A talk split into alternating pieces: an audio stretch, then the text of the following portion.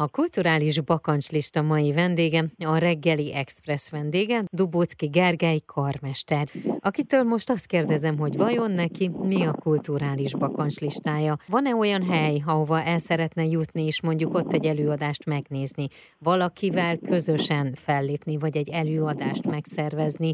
Van-e olyan kép, mondjuk, amit élőben szeretne látni, vagy bármi, ami a kulturális bakancslistához kapcsolódhat, és egy tétel rajta van, vagy több tétel, amelyet kipipálhat majd? Hát vannak tételek, amiket, amiket már volt szerencsém kipipálni, és természetesen van néhány ilyen szokásos tétel, mint a Wagner Nibelung gyűrűjének az elvezénylése, ez egy nagyon régi szerelem tulajdonképpen a kezdetektől fogva, mióta én kitáltam, a karmester leszek, azóta azóta végig kísér ez a dolog. Szerencsére már volt is alkalmam foglalkozni vele a Wagner napok keretén belül, asszisztálni, de a ring az még hátra van, tehát az, az egy nagyon nagy cél. Ilyen konkrétumból kevesebb van, inkább az, ami nekem nagyon fontos, hogy, hogy egy olyan fórumot találni, ahol az a rengeteg ötletet, meg kísérletezési vágyat eh, meg lehet élni, és ki lehet valahogy, valahogy dolgozni magamból, mert ez tulajdonképpen lehetővé teszi a bakancsista tételének a kitipálását is.